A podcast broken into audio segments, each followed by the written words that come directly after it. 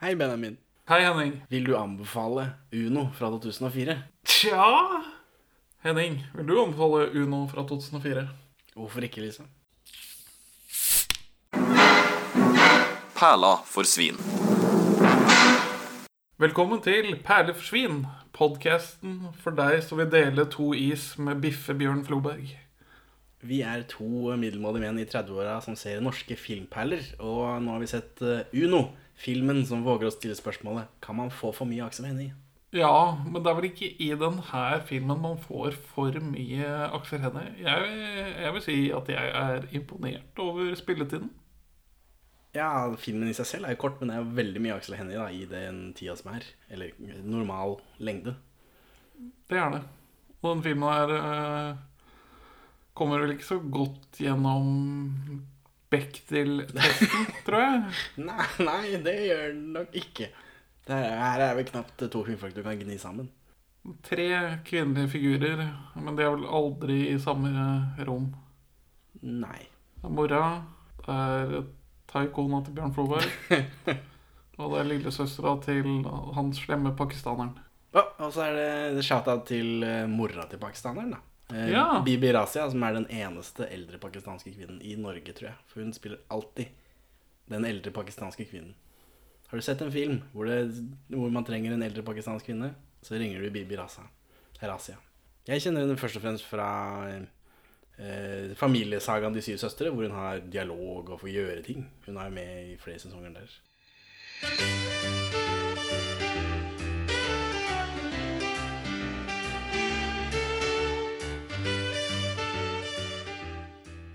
Jeg liker ikke du snakker på den måten.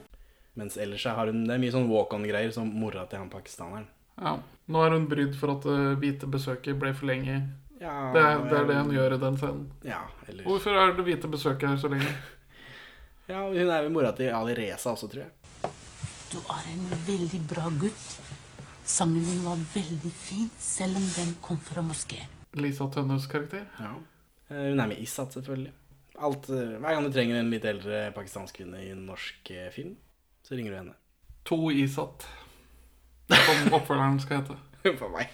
Den skal fokusere på henne, da, siden hun er den eneste som går, går igjen i begge. Ja, altså at det er sånn crossover-univers. Alle norske kriminalfilmer foregår vel i samme sånn halvsosialrealistiske univers. Er det ikke bedre å henge opp det dusjforhenget én gang enn å henge sokkene til tørk hver morgen? Fortell meg om Uno, da, Bjørn. Bjørn, Floberg. Fortell meg, Benjamin Floberg. fortell meg om Uno, da, Benjamin. Uh, Uno handler om den store, sterke gymeieren Jarle, som bare prøver å få orden på livet til sønnen sin. Ja, og eh, å forholde seg til sitt eh, æresystem. Ja, ja, ja, det det er den vinklinga du ser på det. Altså, Bjørn Floberg opptar jo 80% av bildet hver gang han Ja, er skjermen. Så nei, jeg, jeg, jeg, jeg er oppriktig redd for Biff. Ja, Bjørn Floberg. jeg òg. Men ja, han er jo svær, da, men det er den holdningen, liksom. Den det kjenner jeg igjen fra, fra skumle menn i min barndom. Ingen spesifikke, riktignok, men sånn den der eh, strenge Sånn vi er kamerater, liksom, men bare fram til ditt. Jeg, jeg, jeg også er redd for Bjørn Floberg. Jeg liker han ikke. Han er liksom eh, Han er hyggelig, men han er jo ikke det. Nei. Vi kan bare snakke litt, jeg. Ja, kom inn her, da. Kom, kom, Kom inn her, da. Ikke noe problem. Det- Men det er så mye folk der ute på gata. Kan ikke du bare komme hit? Ja. ja. Jeg liker å være her hvor det er litt folk. Ja, takk. Vil du komme hit og snakke litt med meg? Hvem er Bjørn Floberg i norsk filmverden? Hvis du skal sammenligne norsk filmverden med f.eks. den amerikanske. Hva tror du folk har Hvem tror du de har sammenlignet han med opp igjennom? Opp igjennom. Opp igjennom fra og med 1985, ifølge mine treff. Han er jo helt utrolig intens. Så det jo, han ser på meg en sånn Robert De Niro-type, men han er ikke like kjent sånn eh, i norsk skala. Jeg tror han kanskje har vært det på et tidspunkt. Nå har ikke jeg for meg nøyaktig filmografien hans. Skal jeg lese opp et sitat her som kanskje vil blow your mind? Forholdet mellom liv og diktning. Noen skuespillere spiller alltid den samme skreddersydde rollen som seg selv. Jf.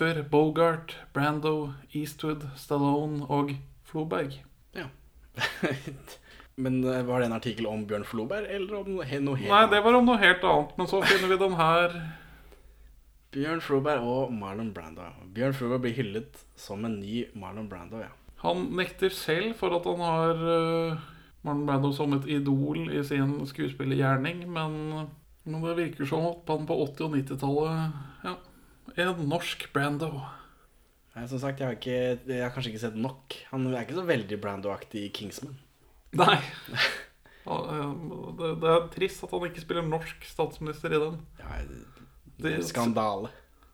her, altså Her kommer Stellan Skarsgård og spiller nordmenn her og der, og så plutselig skal svenskene ta Floberg fra oss. ja, det er eh, ikke bra. Kat katastrofe. Får du høre, da? Ja, du har sagt det. Du må høre hva jeg sier. Jeg snakker med deg, og så bare sier hvorfor hele tida. Nei, det, Marlon Brando ser jeg for meg så mye rundere i kantene. Mens Han er ikke så streng. Nei. Han kan jo være det, men han er, liksom, han er litt sånn sleskete i tillegg. Mens han her eh, han er ikke mye slesk på. Og så står jo Marlon Brando for en av tidenes dårligste skuespillerprestasjoner. Eh, Island of Dr. Moreau. Nei. Nei. Apokalypse nå. Oh, ja. Brannfakkel. Han er så dårlig, feit og elendig i den rollen at jeg blir kjempesint. Det er jo det folk liker, da. At ikke du ser den så mye. Det, det, det beste med en film er at ikke du ser Marlon Brando så mye. Men han er der. Det hadde vært bedre om Marlon Brando var død når han kom frem på slutten. Fordi Marlon Brando er så perfekt før man ser han. Men nå har vi snakka eh, i kanskje ti minutter om Aksel Hennie i opuset Uno. Og vi har bare snakka om Bjørn Floberg og Marlon Brando. Men jeg, en, en siste tangent på Floberg. Ja. Jeg har satt av masse tangenter på Floberg. Jeg kan snakke om Floberg i timevis, jeg. Men er bare Aksel Hennie blir så brydd. ja, ja, han sitter der og bare Når skal gutta snakke om meg? Jeg tipper, jeg tipper Aksel Hennie har en assistent. En lærling fra Westerdals som har som eget ansvar å sjekke alle ting som blir lagt på nett om han. Jeg har ikke hørt noe fra den buddy-podkasten ennå. Altså. Men hvis du hører Aksel, det er bare å ta kontakt. Altså. Det er Ja. veldig gøy sånn som du holder på. Hollywood og alt det greiene der. Vi- ga et tja og et hvorfor ikke til filmen, så det er Det er jo veldig bra. high praise fra den podkasten her. Ja, ja, vi får se, vi får se da, når vi kommer til slutten, når vi har snakka oss gjennom det. Og kanskje vi eh, får sterkere meninger. Mulig, Miley. Hva er det som hender her, da? Dette er første gangen jeg ser Uno. Ja, Jeg trodde- gratulerer. Takk, takk. Jeg trodde dette var den filmen hvor han sier Du må ikke være redd, gutt. Men er det noe krøll på kabelen her? For jeg vet det var en Kjetil og Kjartan-show-sketsj med noen som parodier hvor Kjetil parodierer Bjørn Floberg. Det kan hende at det er et av disse sitatene som eh, ikke eksisterer. Og jeg har bodd på tettstedet hvor Kjetil fra Kjetil og Kjartans show bor. Og på samme tidspunkt så var to, drev to kompiser av meg og gikk bak han på hjem fra skolen. Og da ble det tydelig for Kjetil at de var kjent med den tolkningen hans. Så plutselig stopper han når de begynner å komme nærmere. Så snur han seg og sier 'Jeg må ikke være redd, gutt'. Kjør klipp. Vi har jo mange sketsjer her i By og Rønningshow. By og Rønningshow. Velkommen hit, Bjørn Floberg. David? Kom her, David. Er du redd, eller? Må ikke være redd, vet du. Må ikke være redd bare for jeg står her med et balltre i hånda. Det balltreet er bare opptatt av rettferdigheter, skjønner du. Uno. Ja, manus og regi, Aksel Hennie. Eneste. Ja. Eneste han har gjort som regissør. Er det det? Ja. Det syns jeg virker som en rar eh, prioritering fra hans del. For jeg syns hans skuespillerdebut har, ha, 1798-hytten eller noe sånt. Da. Er ikke det, det er debuten hans. Er det første film han spiller? Ja, noe sånt. Jeg husker ikke akkurat det tallet. Som alle driver og leter etter på nett av en eller annen grunn. Ja, den ligger på YouTube, den. Jeg, jeg vet det, men jeg har fortsatt sett folk Hvorfor? Hæ? Den ser så meningsløs ut. Bjørn Floberg spiller vel i den òg? Helt sikkert. Hvis ikke det er Bjørn Sundquist, det er vanskelig å, å komme unna. I hvert fall en av dem. De krangler litt i sin nisje, de gjør det. Mhm. men... Tenk deg Bjørn Sundquist som bøff i denne filmen her. Det hadde vært akkurat samme eh, følelsen. eh, Floberg versus Sundquist Ja, det var jo inn med sånne filmer rundt 2004, var det ikke det? Ikke Alien versus Predator Det, det var det. Jo, jo. En film som foregår i Norge, for øvrig. Som Det var Dronning Mauds land eller noe sånt. da. Bouvetøya. Ja. Hva er det der for noe? Lars? Går du ut med en gunner, da, eller? Vær så god, si det du skal si om Aksel Hennie eller og regitalentet. Men ve veldig langt Altså, det står bare regi og manus. Aksel Hennie. Og så går hele rulleteksten forbi omtrent. Og så er det medvirkende på manus. Og da kommer Nicolai Kleve Broch og en annen fyr opp. Så han er ikke helt alene om manus. Men han har topp billing på manus. Ja, jeg tror det er det eneste han har skrevet også, uten at jeg skal love det. Har han litt uh, divanykker, kanskje? I forbindelse med at uh, Cleve, Nicolai Kleve Broch og han andre fyren eh, står lenger nede, tenker du? Ja, ja. Det virket litt unaturlig for meg. Kanskje ikke de har bidratt så mye? Kanskje de har bidratt uh, på settet, på en måte? Jeg vet ikke hva skjermskuespillerlauget i Norge har for noen regler for, um, for rulletekster, men det er ganske strengt i statene i hvert fall. Jeg mistenker at det ikke er like strengt her, men uh, For her får alle betalt uansett hva de gjør. Nesten. Nesten. Jeg fikk ikke betalt for min Med unntak av statistrolle. dustestatister som møter opp uh, på fritida si. Ja, Nicolai Kleve fikk sikkert betalt allikevel. skulle man tro.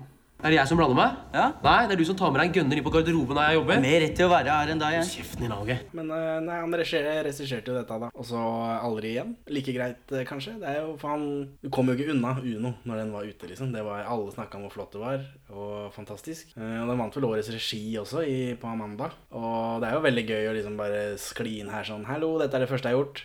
Vinner alt sammen. Takk for meg. Ferdig. Skli ut igjen. Og så fortsette med det han tydeligvis syns er mer morsomt, å være skuespiller. Ja, det, ja, for så vidt, men jeg hadde vært Jeg er nysgjerrig på å se hva mer han kunne regissert. Ja, Det kommer vel til punkt, kanskje, hvis ikke han skal Bjørn Floberge seg gjennom den siste delen av karrieren sin. Bare være streng gubbe, liksom. Eller liksom sånn ikke, ikke, men, unnskyld, unnskyld, herr Floberg, det var ikke meningen å redusere ditt virke. Han kommer etter det. Jeg tror, er Bjørn Floberg, er ikke han eh, fast inventar i Varg Veum-filmen også? Jeg lurer på om ikke han har en eller annen sånn uh, rolle der hvor han alltid er med. Ja, det kan godt være. En eller annen politisjef eller sånt. Men Jeg vet ikke, jeg har ikke sett noen av dem ennå. Det er et prosjekt for en annen dag. Han kler vel spanerrollen. Vi skal ganske dypt inn i norsk filmarkiv før vi gidder å bruke tid på Varg VM-filmene. Jeg, jeg bare sier det. ja, men det skal vi snakke om Varg Veum også. Nå.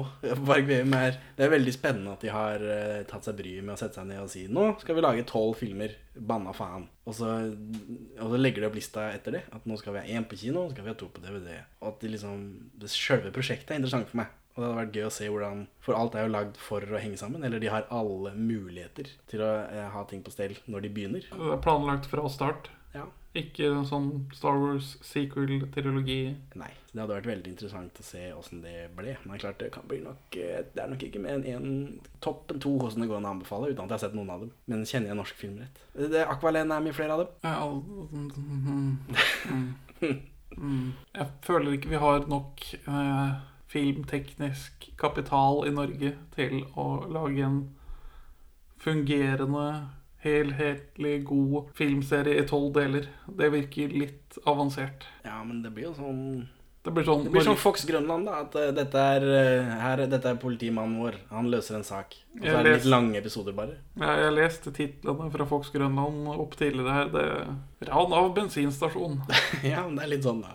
Bitre blomster. Hele politibil punkterer. Det er litt sånn Hva er problemet ditt? Jeg har ett eneste problem, jeg! Og det er deg!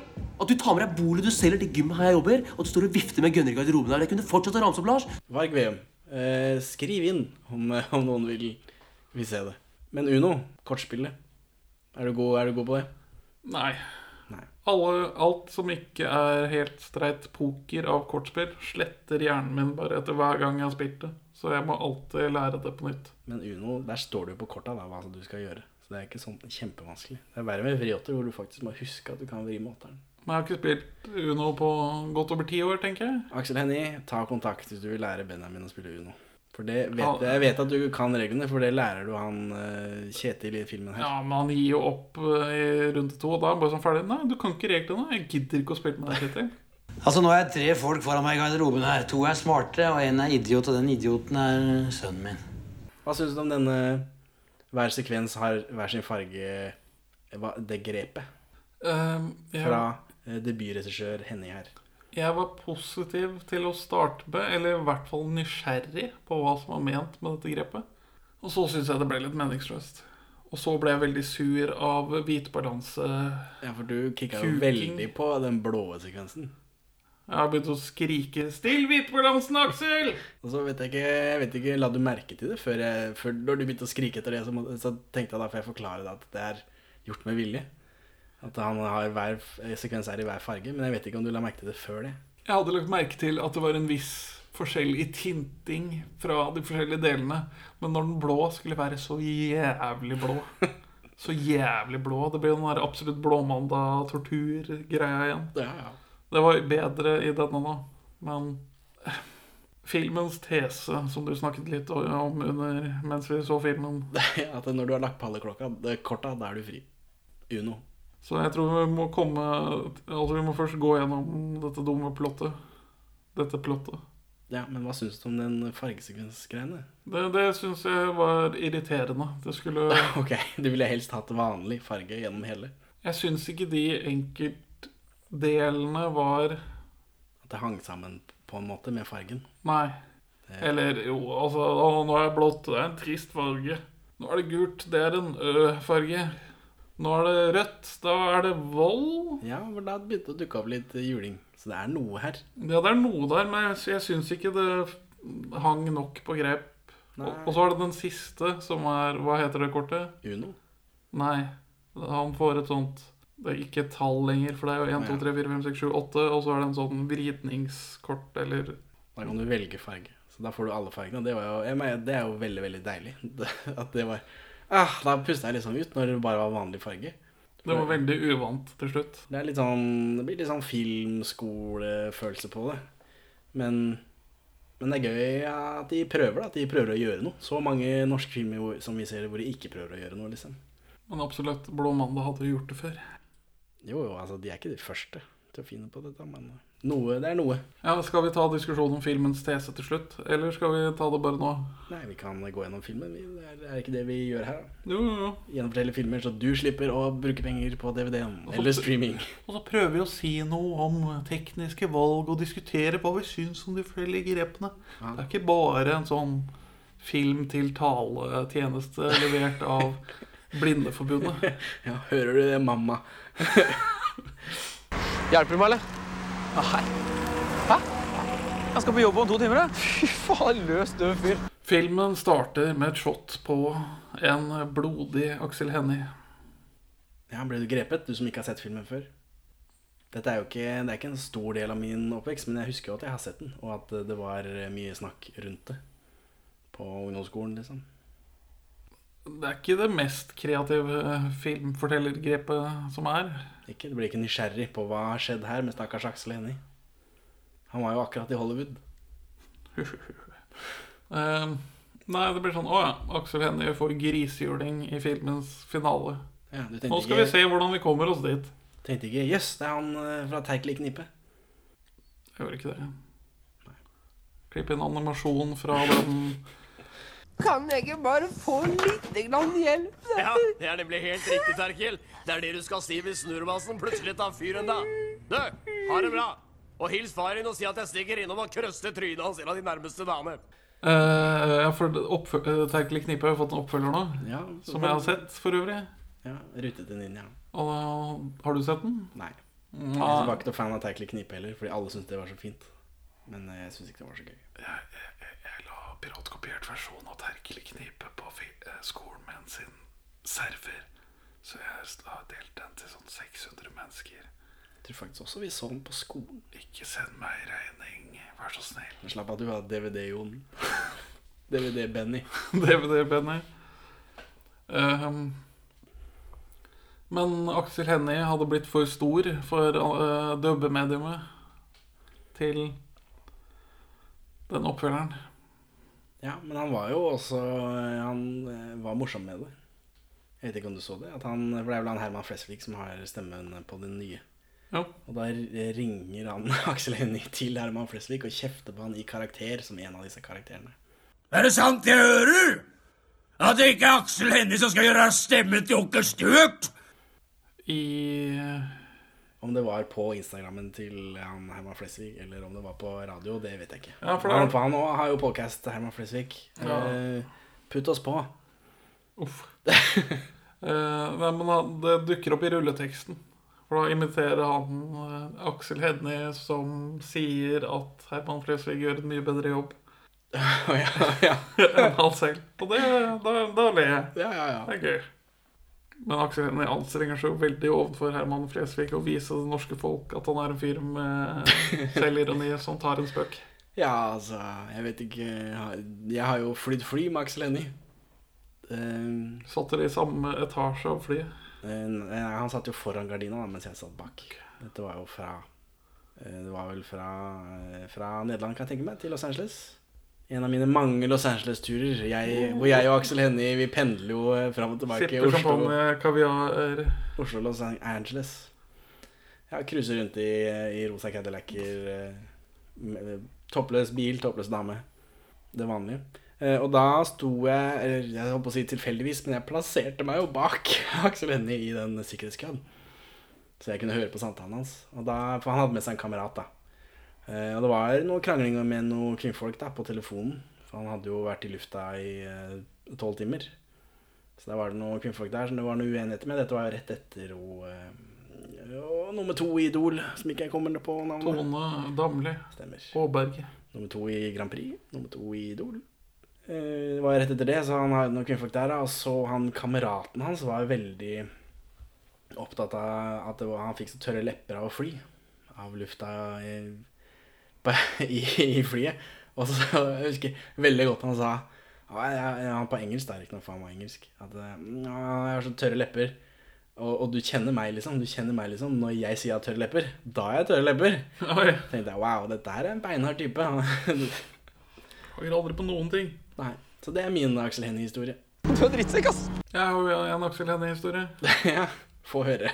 Nei, jeg, jeg gikk på folkehøyskole fra 2008 til 2009. Da gikk jeg deler av tiden på en filmlinje på Agder folkehøgskole. Og da ble vår filmklasse invitert på en førpremiere av eh, den forferdelig dårlige filmen I et speil i en gåte. Ja, Liv Ullmann-epose. Og den er en sånn er, hvem er det, Hva heter han forfatteren igjen, da? Eh, han, er det ikke han Sofies verden-forfatteren? Jostein Garder. Jostein Garder. Så det er en film som handler om en, et barn som dør av kreft. Og så skal filmen lage noen sånn vakker mening i det. Ja, Aksel Hennie er vel en engel, tror jeg, hvis jeg ikke tar Ja, helt feil. Aksel Hennie er en totalt hårløs engel med et barnlig sinn. Så Aksel Hennie spiller en litt utviklingshemmet engel. Er i hvert fall det jeg fikk ut av rollen. Og, og den derre prøver liksom å gjøre noe sånn eh, estetisk vakkert ut av et barn som dør av kreft. Det, det funka ikke for meg. Og i hvert fall ikke når Aksel Hennie spiller dette voksne barnet uten hår. Kjør klipp. Eh, så Klipp at han ikke har hår. Nei, kjør klipp av Aksel Hennie som sier en linje fra den traileren i den filmen. Oppe i himmelen så er det en del engler som tenker mye på hvordan det må føles å være et menneske. Surt. Jeg er kanskje en av de som tenker mest. Nei, Så det var bare min klasse som satt i denne kinosalen, så vi satt jo bare på én rad. Og jeg sitter og ler og ler og ler og ler gjennom hele filmen fordi det er så tåpelig. Og så når filmen er over, så reiser vi oss opp, og så snur vi oss for å gå ut. Og imens filmen har spilt, så har eh, regissøren og alle skuespillerne kommet inn bak oss for å se publikums reaksjon på deres nye film. Så Aksel Hennie og Liv Ullmann satt rett bak meg mens jeg lo av filmen deres. ja. Det, ja, det, han sa ikke noe, da. Jeg var glad det ikke var Bjørn Floberg i den rollen der, for å si det sånn. Uff a meg. Uff. Ja, så det, sånn, det er Aksel Hennie, da. Aksel Periferere Aksel Hennie. Ja, oss småfolket Ja. som ser de oppe på toppen av åsen i ny og ne. Ja, de blir skinnende stjernene. Ja, for Aksel Hennie er vel kanskje det nærmeste vi kommer en ordentlig En Hollywood-kjendis. Vi nordmenn. Nå er det han eh, Han rødhåra i Game of Thrones. Ja, han er jo den største, men han er jo på TV. Men Er han den største? Han er, han var, det er den ene TV-serien, og så er det After Earth. Han har veldig høy gjenkjennelighet i, gjennom sin rolle i Game of Thrones. Ja, men, Men- Aksel Hennie er med i masse ting og gjør ting. Ja, men han er Så ikke ofte han kan. Har han hatt noen hovedroller i Nei, nei, nei. nei, nei. For den derre tyskeren han spiller i The Martian Jeg blir ikke sånn veldig imponert. Nei, nei, jeg sier ikke Han har jo ikke noen hovedroller. Han har vel ikke et Han er vel ikke en klassisk leading man. Hollywood leading man. Men han er med i masse ting, da. Det syns jeg er gøy. Han kunne jo spilt uh, sønnen til Bruce Willis i en Die Hard-film. Sønnen til Skulle spilt sønnen til Steve Buscemi. Uff, det var ikke noe snilt. nei, men det hadde gått kjempefint. Ikke noe problem. Hva med som Lex Luthor? Han har jo den looken. Bare han har lite hår, tenker du på? Ja. Ja, det er sikkert det er mer enn det som skal til. Så. Men han er veldig kort. Det også er jo litt imot den. Sånn eh, på den internasjonale scenen. Hvor høy er han? da? 1,72, ikke. tror jeg. Jeg søkte det opp i anledning et eller annet her. Jaså? Nå gleder jeg meg, fordi da er jeg høyere enn han. Sjekk Tinderen hans. For det, folk skriver på Tinder hvor høye folk er. Han er ikke sammen med toneåringer. Han er gift med en annen dame, tror jeg. Aksel Lønne, er 1,73. Hei, jeg leder med en eh, centimeter. Så fuck you, Aksel! Og Tom Cruise er 1,70, så han er the leading man. Jo, men Tom Cruise er også et viktig propaganda-outlet for en kult. Ja, han har et apparat i bakhånd som, Ja, som eh, han, Grunnen til at han ser så høyt på film, er fordi det, hver gang han eh, flytter bena, så legger det seg en scientologist under. Så han, eh, han får jo 20 cm bare der. Ja, det er for så vidt sant. Så, men tilbake til Uno, da, kanskje. Starter på blodig Aksel Hennie. Ja, det er helt riktig. Så klipp Og, og det, det er sånn tydelig sånn Dette kommer tilbake på slutten av filmen-klipp. Ja, Det ville vært veldig rart om aldri, det aldri dukka opp igjen. Ja, man, ja, eller om handlingen starta fra det punktet. For det, det går ellers veldig mye bedre med Aksel Hennie. For nå klipper vi til at han, at han sover i en bod. En kjellerbod. Omgitt av stigaspill og rulleskøyter. Antar jeg. Ja, og så går han opp til mora si. For han, sover, han bor hjemme, bare at i kjellerboden. Hvis ikke så må han dele rom med Kjetil, bror sin. Og det virker ikke som han syns det er noe gøy. For han er jo voksen. Eller vi diskuterte hvor gammel vi tror han skal være. Han er 29 på ordentlig. Men å være 29 og bo i boden til mutter'n er litt traust. ja, Trist. Og han har jo ikke noe ordentlig jobb. Det er jo den der Han soser rundt på en treningssenter treningssenteret, da. Den Han gymmen. løpegutt for, en, for Jarles gym. Jeg vet ikke Skal han Spiller han 29? Jeg opplever det at han skal være sånn så vidt 20. Sånn 22, typ. Det gir mer mening, i hvert fall. Men dette er jo en dramafilm, Benjamin. Det må, er, er, det, er, det noe, er det noe drama Er det noe drama hjemme hos eh, Aksel Hennie, stakkars? Ja, Aksel Hennie uh, blir sur på mora si som ikke har lagt noe foran døra, sånn at det ikke skal komme vann på gulvet. Men egentlig så skal Aksel Hennie ha hengt opp dusjforhenget. Hvorfor men dette er så viktig for deg sjøl? Hvorfor tar du ikke og henger opp det sjøl? For det kan ikke være så vanskelig å henge opp dusjforhenget, så jeg kan ikke helt forstå hvorfor ikke hun har gjort det. Men eh, Så sier hun at eh, men det er fordi du har sagt at du skal gjøre det, og da skal du faen meg ta og gjøre det, Aksel Henning. David. David, da. Jeg Heter han David pga. sånn David mot Goliat-greie? Det er i så fall fordi Bjørn ja, Floberg. er Goliat. Eh, Bjørn Floberg Goliat? Nei, det tror jeg ikke. Tror du Kora får vite om med knuller søsteren hans, eller? At du gammel i det eller? Drit i det. Tror du han får vite det? Så det er den eneste utfordringen eh, Aksel Hennie har i livet. Han må henge opp dette dusjforhenget. Og Eller? broren hans har Downs syndrom og tar mobilen hans. Og spiller Uno hele tiden. Det har han ikke tid til. Nei. Og inne på rommet, et rom, så ligger faren hans og sover. Ja, eller faren hans ligger der og dør. Sakte, men sikkert. Ja, Det gjør vi for så vidt alle. Men, ja, kreft. Han dør litt fortere enn andre. Ja, hvis han sier bekrefter vel at det er kreft. Ja. Og, så er han, og det, han er spilt av faren til Aksel Hennie.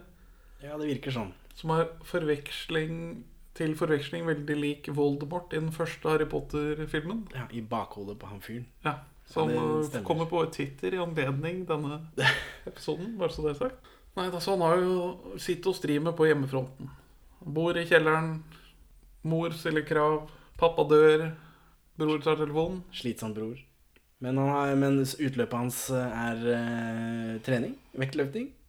Pumpe jern. Jeg mener å huske da det sto på at Aksel Hennie eller Nicolai Kleverok eller hva det var for noe, snakka om at de fikk en del uh, buzz rundt filmen før den liksom var i gang, fordi han og Nicolai Kleverbroch var såpass tidlig i gang med å trene for å bli svære.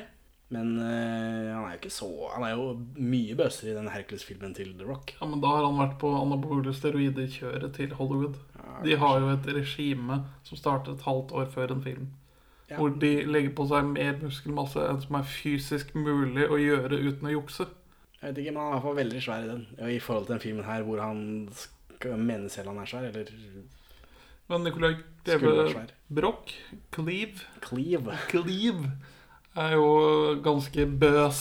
Jeg vet ikke hva for noen slangord dere bruker her. Jeg, jeg sier bøs. Du sier bøs? Jeg kan si biff. Ja, det var det. Biff. Biff, ja. Han er litt biff. Bøs. Chunky meat of man love. Ja, så du mener at han også driver med anabole steroider, sånn som Aksel Hennie gjorde under Hercules? Nei, bare Eh, Aksel, Aksel, hvis du er uenig i denne fremstillingen av deg selv, så må du si fra til Benjamin. Dette har ikke noe med meg å gjøre. Ikke, ikke ta det opp med meg. Han er kanskje litt yngre, og da er det jo lettere å legge på muskelmasse. Jeg vet ikke om han er han yngre, da. Jeg husker ikke hva jeg ble enig om sist. jeg, er omtrent jevngamle. Han ser jo litt yngre ut, men det kan bare være håret som gjør det. ja, det er mangel på viker. Han ser jo litt mer levende ut når han har hår. Nå nå erter jeg Aksel. Åssen går det an å være så jævlig tjukk i huet at du selger ting du ikke har? Ja, men de gutta snakker damer og drar og pumper jern, og så Ja, det jeg ble ikke sånn supertatt av den dialogen. Nei, det er sånn At vi skal være tjommiser eh, det, er, ja, det er vanskelig å konstruere en ja. naturlig dialog eh, på norsk mellom to kamerater. Jeg, jeg, jeg, jeg, vil si jeg kunne kjøpe det som realistisk. Det er, to, det er guttastemning. Og de diskuterer reglene for når man kan sjekke opp venninna til kompisen din som han har tatt med på fest. Jeg tror det kom frem til at det ikke er lov første gangen, men andre gangen er det lov. Ja, eller Nicolai Kleve Broch har noen regler. Mens eh, Aksel Hennie mener at det må bare være lov å kjøre på. Men senere i filmen så er det Kliv som bare kjører på og får smake steken. Kan ikke bare late som jeg ikke er her? Du kan ikke bare stikke av fra en avtale og gå og gjemme deg på rommet ditt. Det der går ikke, skjønner du. Enten må Koram ha tilbake pengene sine, eller så må du gi inn det du har lova at han skal få. Men så er det inn på dette treningssenteret, og der er det også eh, forviklinger. Fordi Jarle, Bjørn Floberg, sjølveste sjefen, sønnen hans driver og lasser rundt der med et sånt eh, slå meg i trynet-tryne. Ja, han er nebemagnet av rang. Lars. Lars, ja. Karakteren i hvert fall. Og for han er sånn smågangster. Eller? Ja, han er sånn ungvalp, og så driver han og omsetter anabole steroider. De kaller det Bol en gang, og så snakker de om forskjellige typer ved en anledning. Og så har han fått seg en gunner. Og så, og så blir, blir, spør David han hva han driver med. Og så er han sånn «Nei, 'Hvorfor skal du blande opp i det?' Og så kommer Bjørn Floberg inn og bare sånn 'Hæ? Hæ? Hæ? Hva faen er det som skjer her?' Å se for å vise frem gunner. Og så er det sånn Ja, her er det to, to smarte gutter og en idiot som er sønnen min. Ja, Så da fikk vi etablert da at han er sønnen hans. Ja, men det er vel siste gang Eller det er nest siste gang Bjørn Floberg er genuint kritisk til sin idiotsønn. For han er vel mer opptatt av å eh, balansere denne skålen i det som er hans eh, lille private æresystem. Ja, for, men filmen gir- først inntrykk av at Aksel Hennie er helt motstander av lovbrudd. Jeg vet ikke, Han, han, han syns kanskje det blir litt kronglete at folk skal drive og deale narkotika på jobben hans. Og det høres jo ut senere, når de blir tatt inn til potiliet, at de har vært borti dem før. Ja. Så, problem, så problemet til Aksel er at det er så åpenlyst. Ja, eller jævlig irriterende, da. At han der jævla idioten der skal drive og, og ordne og styre, og det er sønnen til sjefen, liksom. Får ikke gjort noe med det. Og så, men så tar Bjørn Floberg og pakker inn gunneren i et laken, men han legger det sånn åpenlyst et eller annet sted. I Aksel Hennies filmunivers så er det en regel at gunnere må gjemmes veldig overflatisk. overfladisk. Ja, men den gunneren her kommer ikke tilbake igjen. Jo, i razziaen finner politiet den. Jo, ja, det er sant. Og det, og du, du ser dem pakker den ut av det lakenet til Bjørn Floberg. i Ja. Veil of invisibility.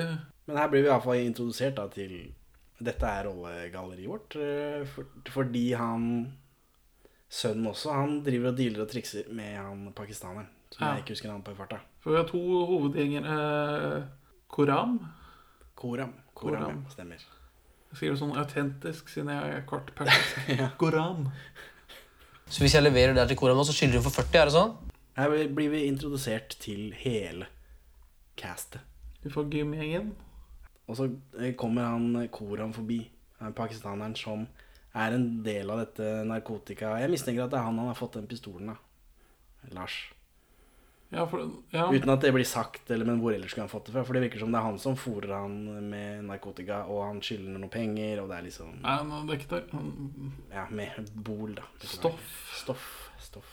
Eh, Det er viktig å skille på det for dere i Oslo. Men det er jo Lars som har, har skaffet anabole steroider fra noen andre som kjøper det på bestilling fra Koran. Ja, akkurat. Det- Det var komplisert eh, for meg, dette. Det blir mye tenking. Du bare lærer deg å slå av mobilen når du ser på filma. Du kan se på film, vi ser på DVD. Du sitter jo og ser på film. Det er jo film. Det er jo, du sitter jo og ser på filmen. Ja. Du slår av telefonen når du er på kino, ikke når du sitter og ser på TV hjemme. Jeg gidder ikke diskutere engang. Altså. Hipp ungdomsslang anno 2004. Ja, du er en løs, død fyr, ass. Ja, det er denne Oslo-dialogen som jeg syns var litt vanskelig sånn, til å begynne med. Og så, lenger ut i filmen, så, så kjenner jeg at ah, jeg tror jaggu jeg tror det vokser på meg. liksom. Jeg har vent meg til det. Og så begynner Aksel Hennie og Nicolai Klevebrok å, kjefte og rope hverandre. Og da OK. Det, jeg angrer på at jeg, sa- at jeg sa det. Hei, drita, drita. Det er veldig mye sånn Ja, også... Aksel Hennie liker ikke å bruke vold som virkemiddel. Når han bryter opp en slåsskamp mellom Lars og noen andre, så får vi noe sånn slow-mo og noe sånn trist musikk av ulver i bakgrunnen. Ja, at han måtte banke opp han fyren. Han bare måtte det.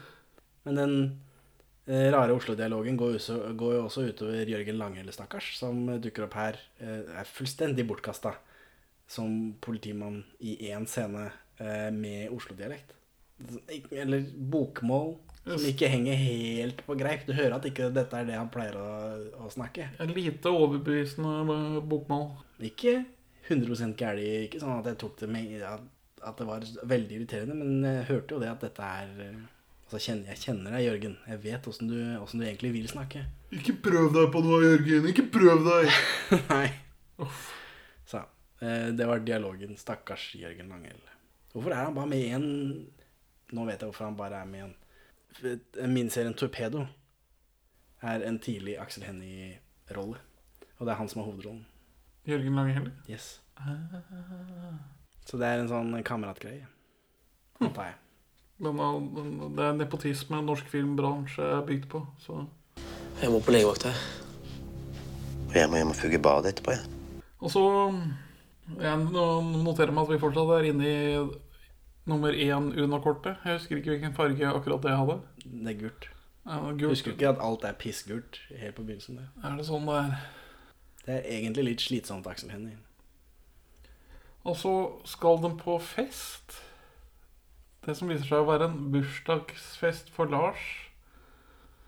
Og så snakker Kliv om å pule søstera til Koram. Ja, for det har han lyst til. Og så er noen kritisk til ja, men Du vet hvor gammel hun er? eller? Og så sier han ja, bare drit i det, da. Mm, litt ufent, Nico.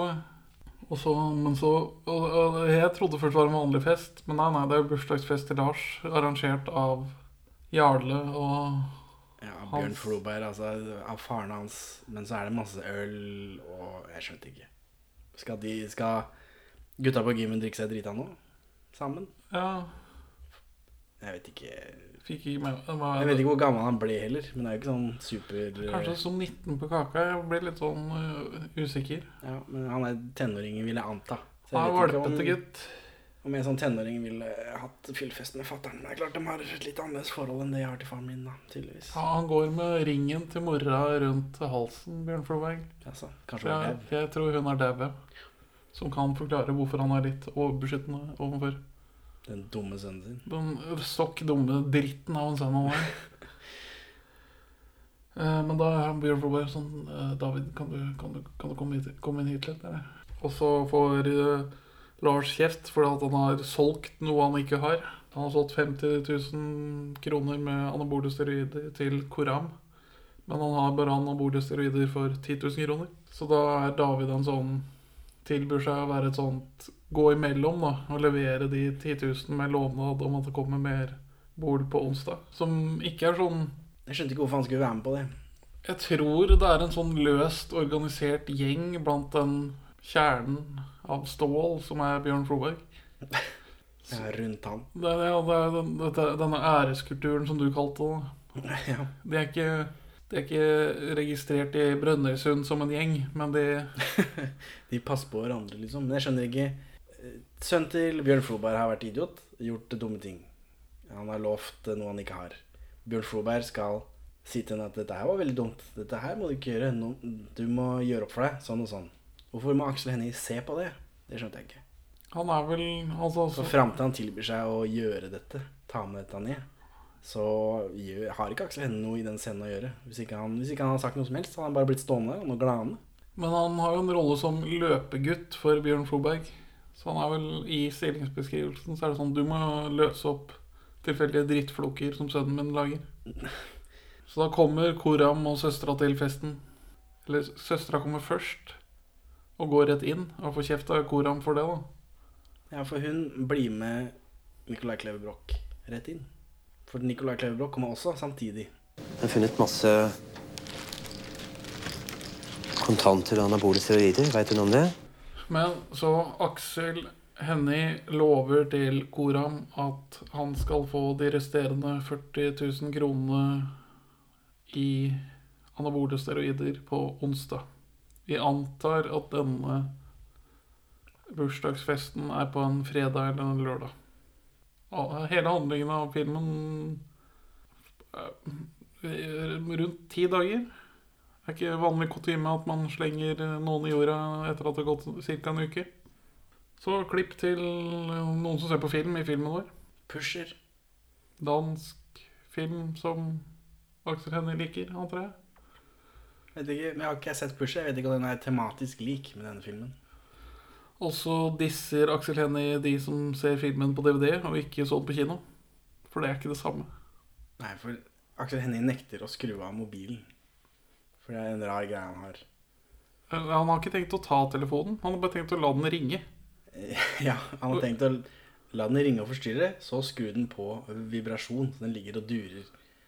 Det er sånn han håndterer Han telefonsamtaler ikke- når han ser på film. Men han sjekker ikke hvem som ringer, eller skrur den helt på lydløs. Nei, nei, den skal bare drive og dure og holde på. Mange ganger. Fordi det er mora hans som ringer. Vi ser ikke på film, vi ser på DVD. Hadde jeg vært på kino, da jeg den vært på lydløs. Og det er sånn Det er ikke alle som vil gå på kino, Aksel. Det funker ikke sånn. Jeg er enig i at film er bedre på kino, men skru av lyd på telefonen også hjemme, er du snill. Og, og, så blir jeg litt irritert når øh, filmen har så det der dokumentariske grepet om å filme Hvorfor, hvorfor kan ikke kameraet stå på et stativ i den sekvensen her? Ja, for du er irritert over at Aksel Hennie og Nicolai Kleve sitter på sofa og ser på en TV, mens kameraet er på utsiden av rommet og svever rundt utafor døra der sånn, fordi det er en fyr som sitter og holder det. At ikke det står på eh, et stativ. Det blir, det blir mer autentisk. Mm. Ja, ja, så blir det kanskje kjedeligere da, om det står helt stille. Jeg vet ikke. Det var ikke så mye som skjedde i den scenen sånn fysisk. Så kameraet kunne fint stått stille. Skriv det ned, Aksel. Som din neste regijobb. Men hvorfor drev du og dura så fælt i telefonen til Aksel Hennie nå? Jo, nei, det er fordi den eh, døende faren hans er nå enda nærmere døden enn han eh, var sist i sånn. Jeg har blitt lagt inn på legevakta, som er et helt halvt, halvt kvartal unna hvor han bor. Man får ikke forklart det, da, men, eh, men det er gangavstand overalt i hele Oslo eh, i den filmen her.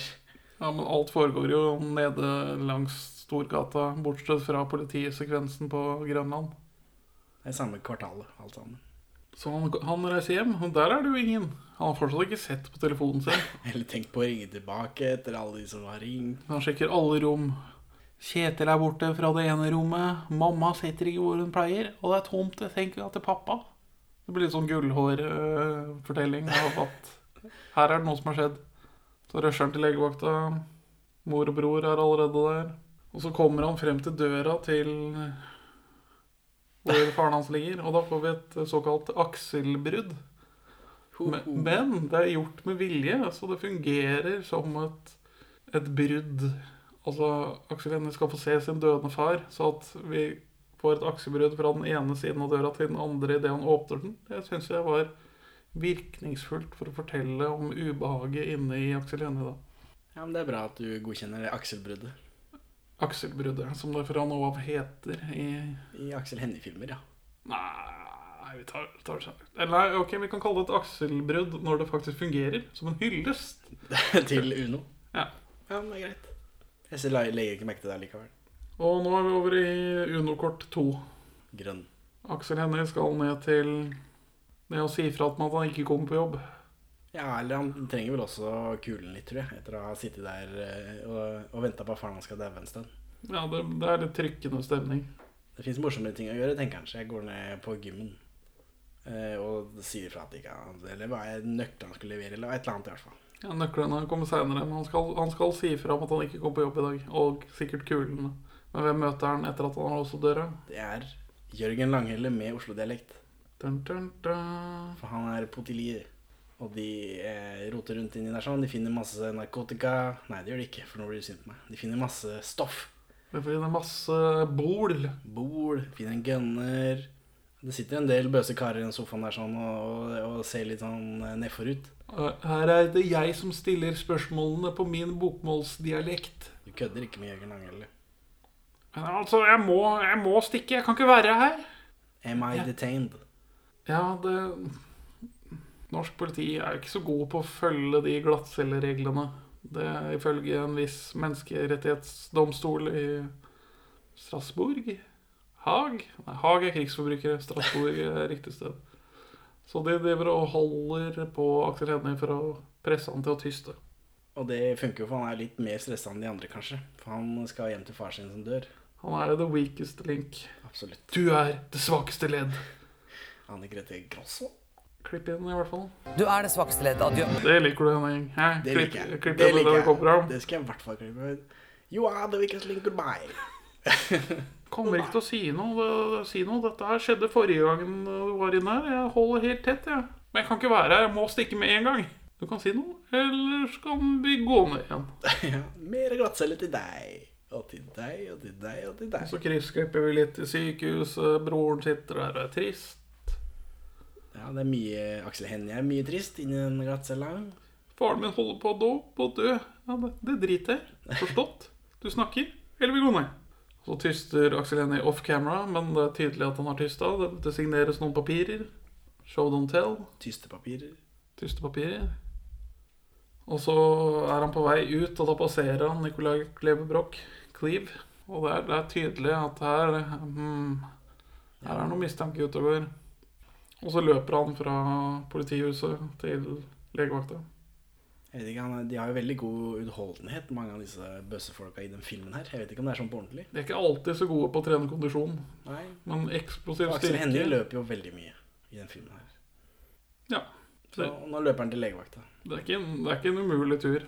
Jeg tror jeg kunne klart det med adrenalinrushet av døende nært familiemedlem. Like kjapt som Aksel Hennie. Nei. Og jeg hadde ikke fått sagt noe når jeg kom frem. Det var bare sånn Stakkars. Sorry. Hvorfor er politiet her? Der var det jo ingen, så da går han hjem. Sier unnskyld til mammaen sin. Hun spør hvorfor politiet var her. Han svarer ikke. Vil, du snakke om pappa? Det vil han ikke. Neste kort. Tre. Blått. Det beste kortet. Uff. Fargemessig. fargemessig. Still hvitbalansen din riktig, Aksel Hennie. Dette grepet her, det har ingen verdi. Det er veldig trist, da. Det blir jo veldig sånn eh, laber stemning av det. Litt overstadig Altså, den filmen 'Blå er den varmeste fargen', den, den er litt blåere enn andre filmer, men den er ikke kun blå. Nei, det er day for night alt sammen i den eh, sekvensen her. Ja. Blue Man Group, The Sequence. No, I'm afraid I just blew myself. Og vi får vite at Lars sitter i varetekt. Hva er det du tenker med, du, da? Han drar til Han drar til gymmen Ja, for det er tydeligvis det eneste stedet hvor han kjenner folk. Eller? Det er liksom Det er et veldig snevert univers. Du ble utvidet i sosiale sirkelen din litt Ja, i hvert fall når du holder på sånn som Aksel Hennie gjør i den filmen her. Jeg er sånn halvveis inn i småkriminalitet, sånn halvveis ute, så ja. Men han rekker ikke å forklare seg for en naken og veldig sint Biff Floberg. Ja, for Floberg kommer ut av dusjen, og, og da er Aksel Hennie der, og da Det er flaks for oss at eh, Det er flaks for David at eh, Bjørn Floberg ikke har lyst til å vise penis. Og har bare Ja, det- én hånd til å slå etter han med. Ja, det er jo uflaks for deg og meg. Ja. Det hadde vært skummelt. For Bjørn Floberg er såpass buff at han må bruke én hånd til å holde håndkleet med. Selv om det er et vanlig badehåndkle.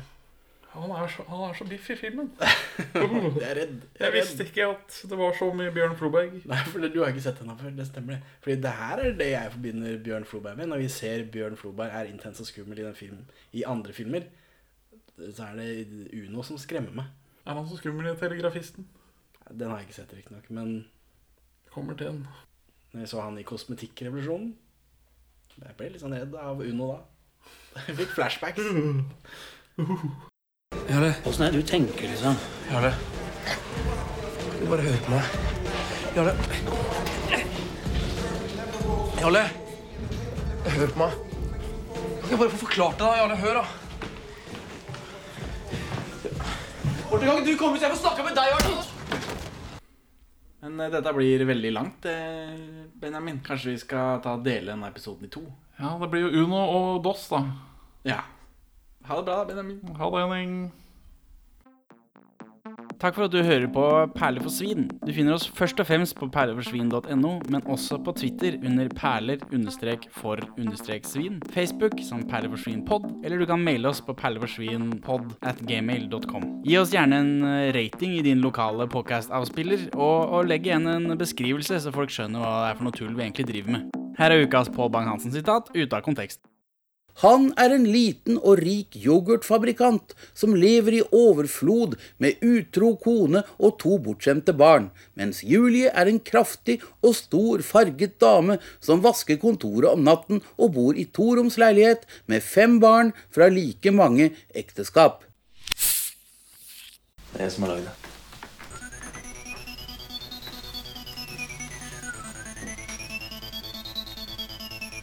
Det er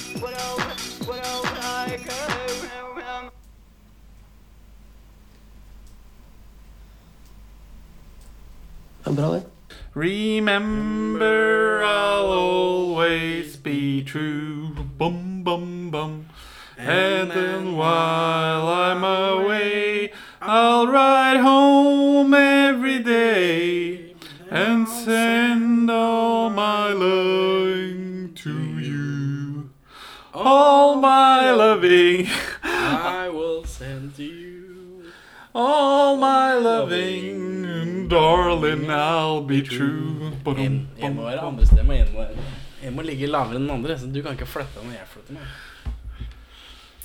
Men jeg er bass. Jeg spiller bass. Ja, men hvorfor går du opp når jeg går opp, da? And while I'm away, I'll ride home every day and send all my loving to you.